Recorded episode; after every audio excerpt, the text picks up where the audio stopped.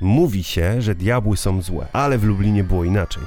I to sam diabeł doprowadził Jezusa do łez swoimi dobrymi czynami.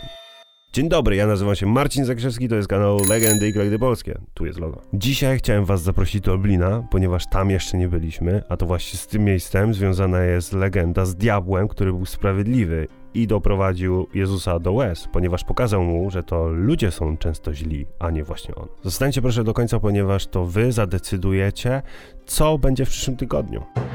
Dawno, dawno temu, w wiosce nieopodal Lublina, żyła pewna wdowa.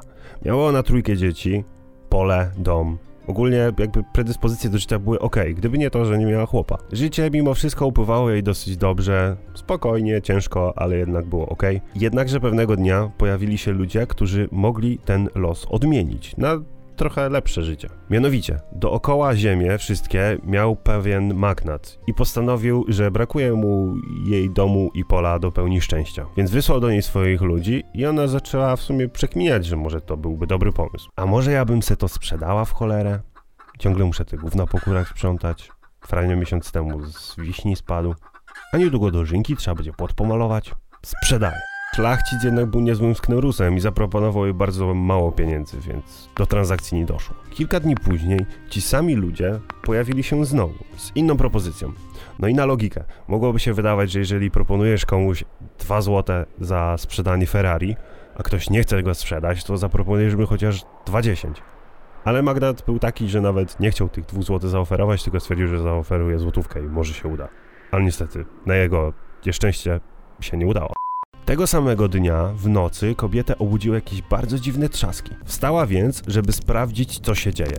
Ale nie była w stanie sprawdzić, co się dzieje, ponieważ cała chata była wypełniona dymem. Zabrała więc swoje dzieci dokumenty, najważniejsze rzeczy i wybiegła z domu, który niestety bardzo też szybko spłonął. Wdowa bardzo szybko wydedukowała, że jest to prawdopodobnie sprawa tego magnata i podała go do sądu. Ale niestety sprawę bardzo szybko przegrała, ponieważ magnat był cwany. Znalazł jakiś meneli pod karczmą, którzy zeznali przeciwko niej. A to myślę, że nieprzypadkowe, że akurat pod karczmą, patrząc na to, że z Lublinem związany jest browar Perła i Polmos to wydaje mi się, że to było idealne miejsce, żeby znaleźć świadków tej sprawy.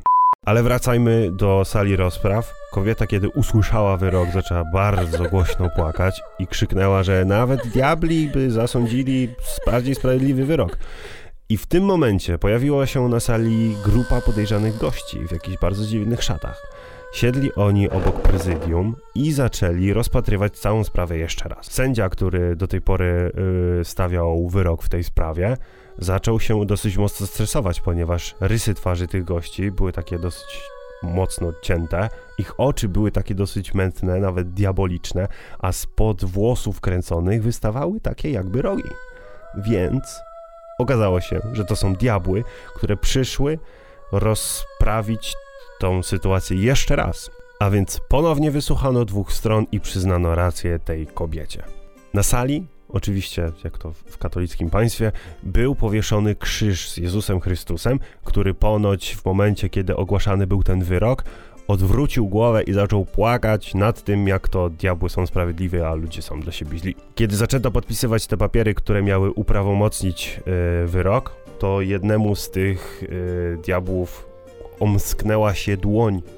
Ja tu teraz robię taką prezentację, jak to mogło wyglądać. On podpisuje. Andrzej. I jak mu ręka spada. Znaczy, nie, tak, ręka mu opada. Opadła mu tutaj po prostu na blat. Przyjmijmy, że to jest blat, na blat opadła i wypaliła po prostu swój ślad. Dzisiaj nazywamy ten ślad czarcią łapą, a możecie go zobaczyć w Lublinie w Muzeum Narodowym.